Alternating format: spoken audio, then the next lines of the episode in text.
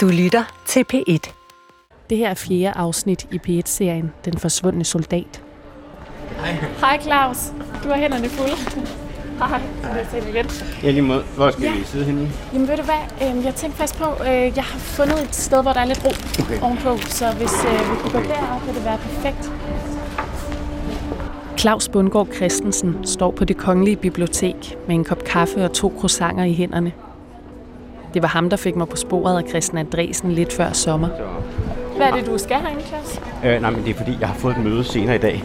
Ja. Men øh, jeg havde, øh, og jeg havde, ellers havde jeg sat eftermiddagen af til at forske over på arkivet.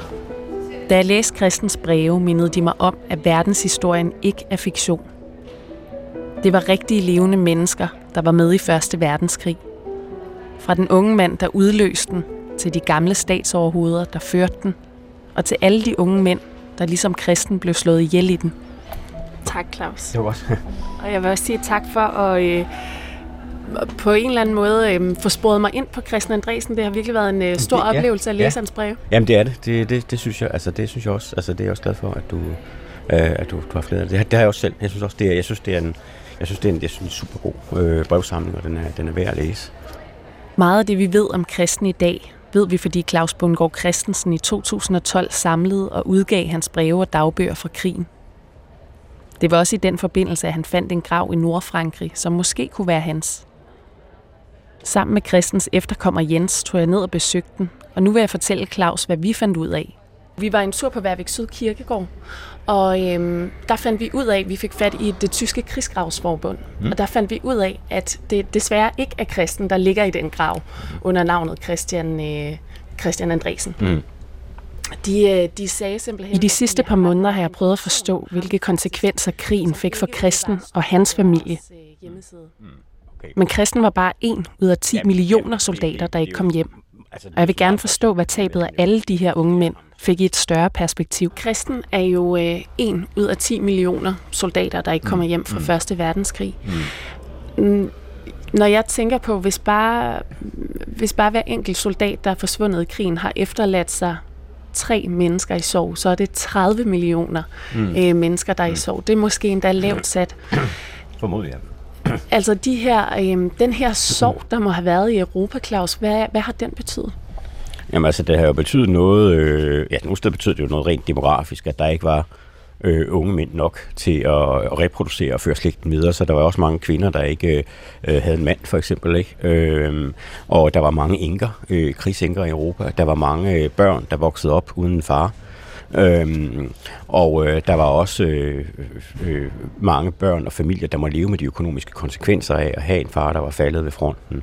Men hvordan man taklede sorgen, det var jo forskelligt fra, fra familie til familie. Altså, det er klart, der har været en, en ubærlig sorg i familier, hvor, hvor, hvor der var en ung søn, eller der var en far, der ikke, øh, der ikke kom hjem igen. Men det man jo også øh, skal huske på, det var, at der var jo også mange øh, soldater, som, som vendte hjem, som var, som var traumatiseret af krigen i større og mindre grad. Og det kan vi også godt se blandt de sønderjyske soldater, når vi sidder med deres sager. Det var jo således, at de kunne få en invalidepension, øh, krigsinvalidepension, hvis de var mere end 10% arbejdsskade i forhold til øh, at være blevet såret i krigen. Så kunne de faktisk få en krigsskadeerstatning øh, fra den danske stat. Og øh, der kan vi se, at der er ret mange af dem, de har det, vi i dag vil kalde øh, psykiske kampskader. Altså, de har, de siger simpelthen øh, altså PTSD, eller hvad man nu kalder det. Så der var, der, der var også mange familier, der måtte leve med en, en, en far, der for eksempel der, der, der var ødelagt af krigen. Altså, jeg har, når jeg var ude og holde foredrag, så har jeg talt med mange børn til, øh, til soldater, og jeg kan huske for andet en, der gjorde et indtryk på mig, det var en kvinde, hun fortalte det der med, at, øh, at de snakkede aldrig om krigen derhjemme, men der var alligevel hele tiden til stede, og hun kunne høre hver nat, så græd hendes far. Og hun vidste det godt. Hun vidste godt, hvad det var. Men det var bare ikke noget, man snakkede om. Men det var der alligevel bare hele tiden. Og sådan har der jo været mange hjem. Men der har også været de hjem, hvor faren talte om det hele tiden. Og hvor konen og børnene ikke orkede at høre flere af de krigshistorier. Og så gik han måske hen til i veteranforeningen, og så der, hvor, hvor det var legitimt at tale om det, ikke? men hvor det også stadigvæk fyldte meget, altså det der behov for at tale om det. Ikke? Og det, det, så, så det har været til stede enormt meget i de familier, uanset også selvfølgelig om det har været i Sønderjylland, eller det har været i Frankrig, eller det har været ja, i, i Wales, eller hvad ved jeg. Men, men, men, men det prægede selvfølgelig millioner af europæiske familier. Hvad kommer Første Verdenskrig til at betyde for sønderjyderne? For sønderjyderne kommer den til at betyde rigtig meget. Det betyder jo blandt andet, at øh, der kommer en folkeafstemning, øh, og, og sønderjyderne kan stemme sig hjem til Danmark. Øh, det, det betyder det naturligvis helt konkret.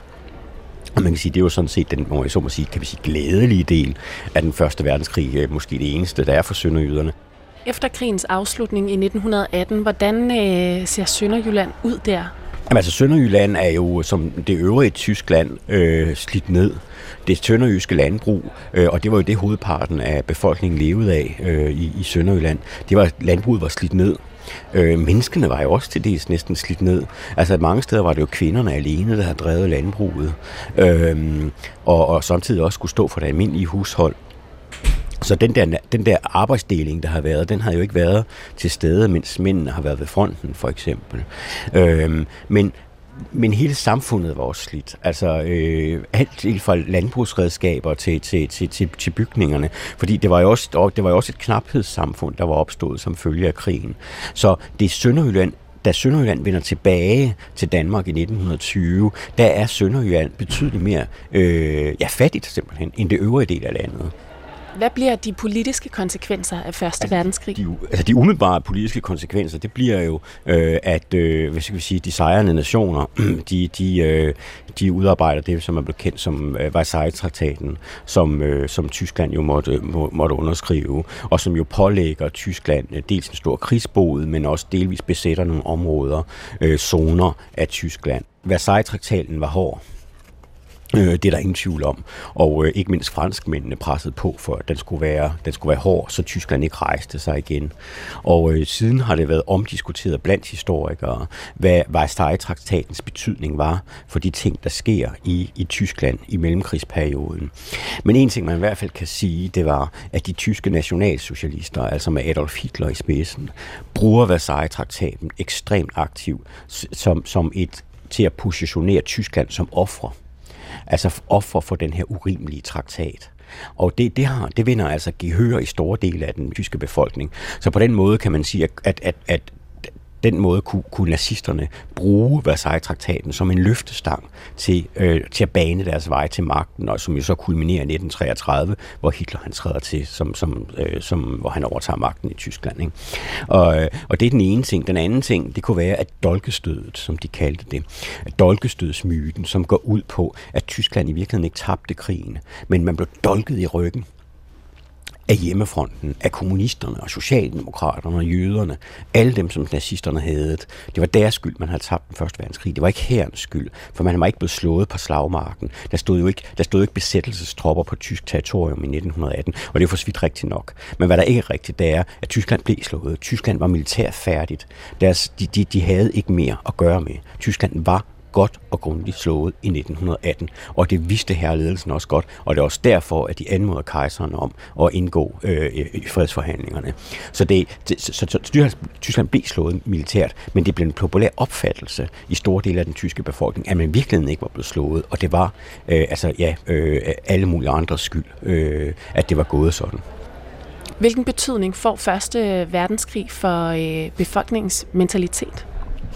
Altså i Tyskland, der er der en, øh, der er en tysk historiker. Han har, han har kaldt den første verdenskrig for urkatastrofen. Jeg vil ønske, det var mig selv, der har fundet på det, men det er desværre ikke. Øh, han kalder det urkatastrofen, og, det, og, det, og, det, og set fra tysk optik er det meget forståeligt, hvorfor han kalder det, fordi det var, den, det var den katastrofe, der startede de katastrofer, som var endnu større og endnu værre under 2. verdenskrig. Altså for eksempel et, et industrialiseret folkedrab på jøderne, øh, at, at Tyskland blev fuldstændig ødelagt, og, og endnu flere mennesker blev slået ihjel.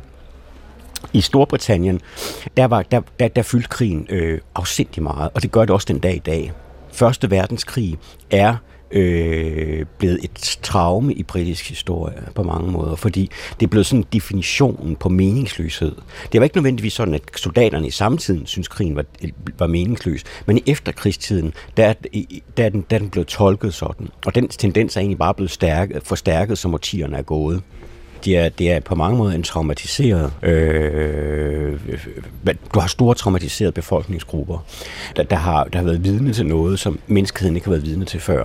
Det skal man jo huske på, det er, den før, det er forskellen på den første og anden verdenskrig. Altså den anden verdenskrig, der var man godt klar over noget af det, der ville komme. Ikke? Øh, det var man ikke under den første verdenskrig. Man havde ikke oplevet krig på den måde før. Man havde jo simpelthen ikke oplevet masse her at stå over for hinanden. som det for eksempel skete ved Verdun og Somme øh, og, og, og mange andre slagmarker under Første Verdenskrig. Man havde, man havde ikke oplevet før. Det, det, det traume, det sad stadigvæk dybt i mange befolkningsgrupper. Men der skete jo også det helt konkrete, at der var folk, der, der, der i stigende grad øh, betragtede vold som en rimelig løsnings øh, øh, måde at løse problemer på. Også på, den, også på de politiske fløje. Altså for eksempel de tyske frikorps, der, der, der, der, der regerer rundt i Tyskland, i, i, især i den tidlige mellemkrigsperiode i 20'erne både på højre og venstrefløjen, de er jo stort set alle mænd, der er, der er skyttegravsveteraner. De ved, hvordan de skal bruge våben, og de er, de er villige til at bruge vold. Altså, de er simpelthen voldsparate, ikke? Og det havde de ikke været, hvis det ikke var, fordi de havde været ude i skyttegravene. Så det er simpelthen en, en forrådelse af, af, af befolkningen og også af politikken? Ja, altså der sker en, der sker en, der sker en forrådelse af, af europæerne. Det er der ingen tvivl om. Der, sker, der er en højere grad af voldsparathed. Der er naturligvis også mange mennesker, der blev klar over, at det her med fred var vigtigt, fordi alternativet, det var så meget værre. Altså et godt eksempel, det er den, øh, det er den britiske premierminister, ham, der hedder Chamberlain, der førte øh, et, et, et, øh, en, en politik, som man kalder appeasement-politikken over for tyskerne. Altså man var sådan, man, man, man, gjorde, man strakte sig meget langt for at undgå en konflikt med Tyskland, og dermed en ny verdenskrig. Og, øh, og Chamberlain er siden meget ofte blevet skældt ud for at være svag, og for at være, være udulig, og for at, at, at, at ville plise Hitler, og, og for at plise Hitler i alt for høj grad. Men det, man skal huske på med Chamberlain, det var, han var, han, han var, han var jo netop traumatiseret. Og det siges, og det står vist sand, efter han, han øh, holdt øh, sin tale til befolkningen i BBC, altså i september 1939, hvor han erklærede, at der var krigstilstand mellem øh, Storbritannien og Tyskland. Da han gik ud af studiet, det blev optaget i en Downing Street 10, da han gik ud af et, et, et, væk fra mikrofonen og ind i stuen ved siden af, hvor hans kone var, så brød han sammen øh, og sagde, at det blev frygteligt det her. Fordi han vidste, hvad der var i vente. Og, øh, og, og, og, og, og, og der, igen, altså der, der kan man se, sådan hele politikken er præget af den første verdenskrig. Den er med overalt. den, den første verdenskrig og den anden verdenskrig er meget tæt forbundet. Altså måske en grad, som man næsten bare skulle kalde den øh, verdenskrigen. Yes, Ja, vi være, Jeg vil være der, ja. Ja, så kan jeg jo komme over på arkivet igen. Det vil jeg nemlig gerne nå lidt. Så, ja. Det er bare fint, Klaus. Så.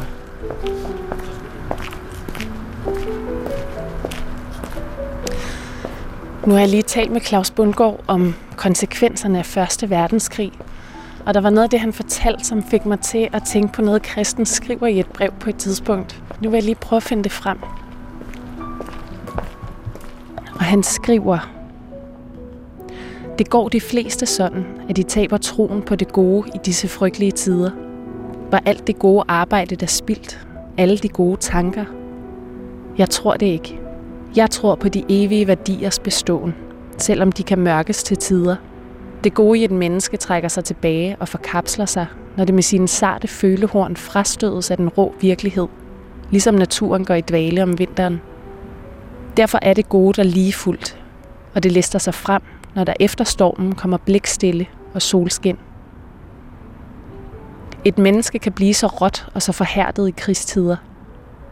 De gode minder ligger som en skat på bunden af det sjæl. Men en skønne dag kommer de frem, og der har de større magt end før. Serien her er produceret og tilrettelagt af mig. Jeg hedder Emma Høj. Redaktør Louise Witt Hansen. Producent Thomas Hedemann. Lydmix Mikkel Rønnow.